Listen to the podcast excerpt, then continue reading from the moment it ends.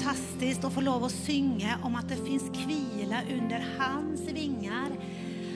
Och jag vet inte vad du har kommit med som Deborah sa idag, men Gud, han är den som tar hand om oss.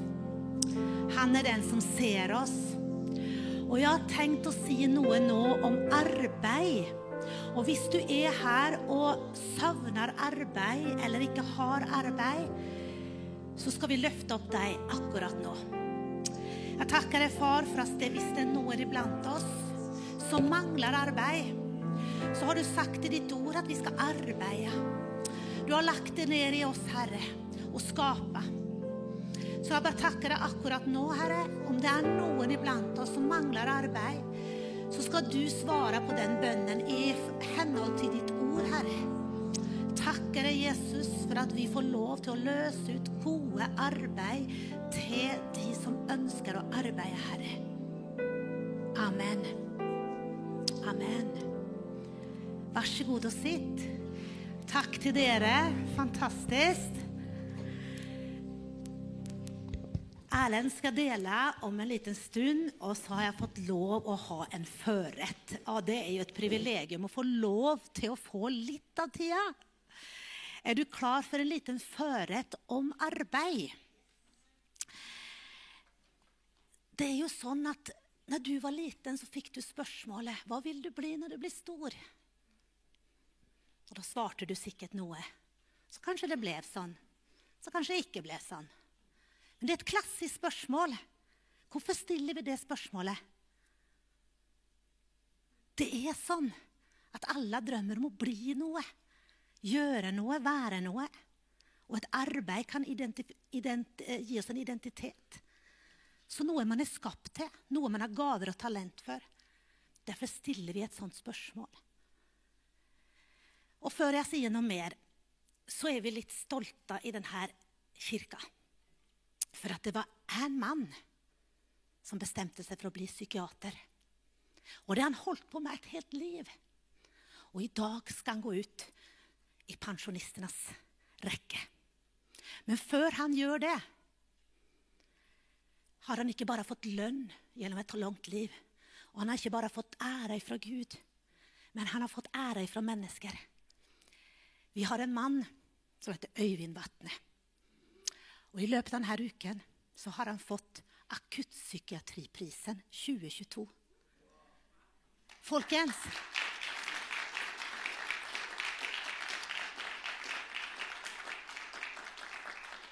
I fjor så fikk Maud Angelica Ben den prisen. Ni vet den talen hun holdt sin fars, på sin fars begravelse. I år så var det en mann fra Trondheim som heter Øyvind Vatne. Jeg syns det er stort. Jeg syns vi kan være litt stolt. Og derfor hadde jeg lyst til å si det. Så gratulerer, Øyvind, fra hele kirka. Det er fantastisk. Men det her med arbeid, det er jo liksom Hva er det som driver en arbeider? Hva er det som driver deg i ditt arbeid? Ja, det er nå lønna mi, da. Den månedlige lønningsposen. Ja, klart det. Men du ønsker å skape, du ønsker å være med og utvikle. Du ønsker å gi ditt bidrag inn. Det er en hensikt. Du blir satt i et større perspektiv. Du skaper noe for samfunn, for et firma. Det er mye som driver oss til å ha et arbeid. Og det gir oss arbeidsstolthet.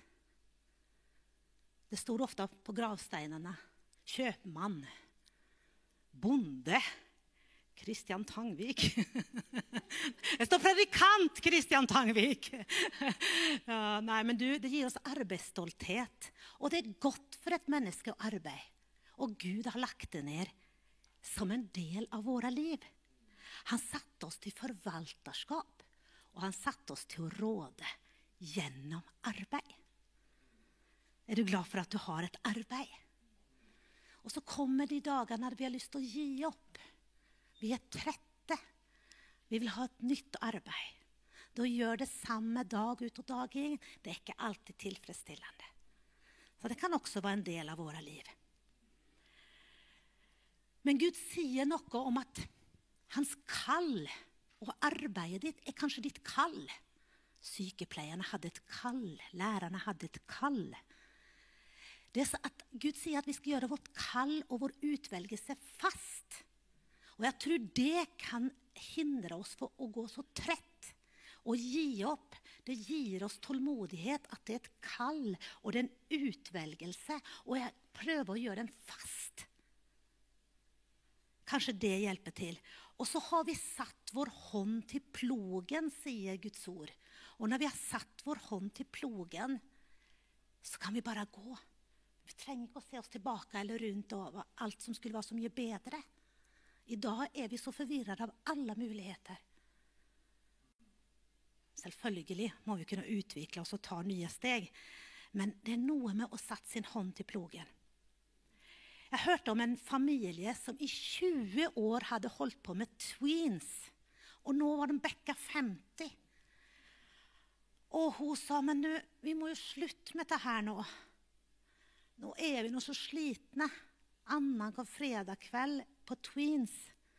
Og da sier mannen Det er jo dette vi vil. Det er jo dette vi vil. Og så løste det seg. Så fortsatte de et stykke til.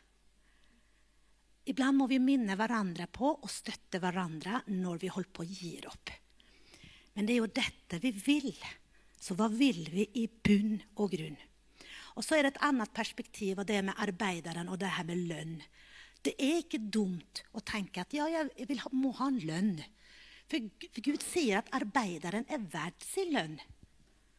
Så det, det er en helt, helt kurant sak.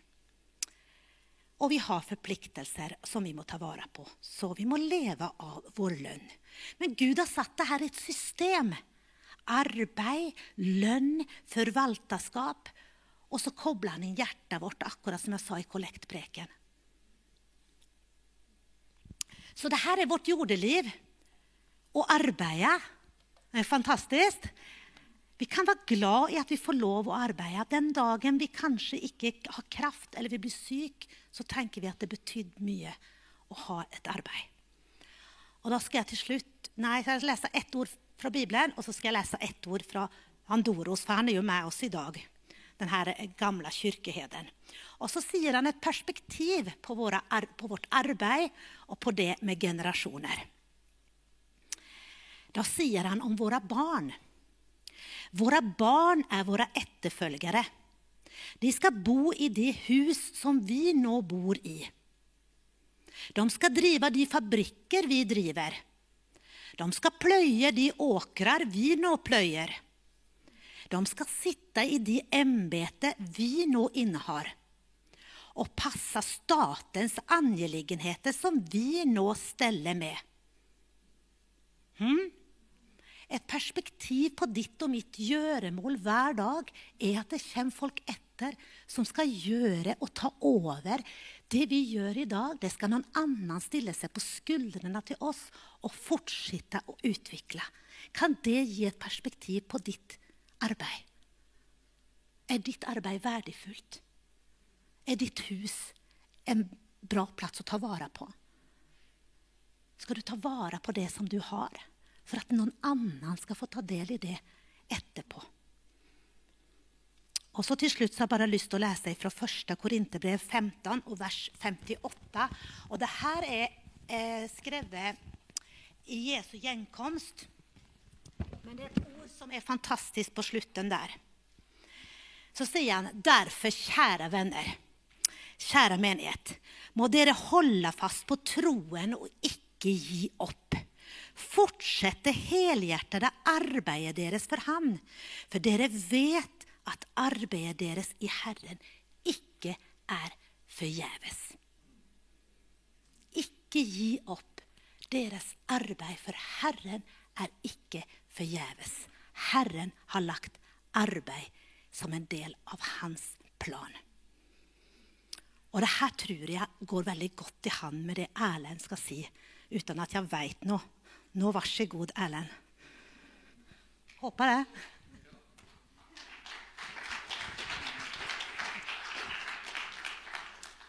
Yes, så bra, Annika.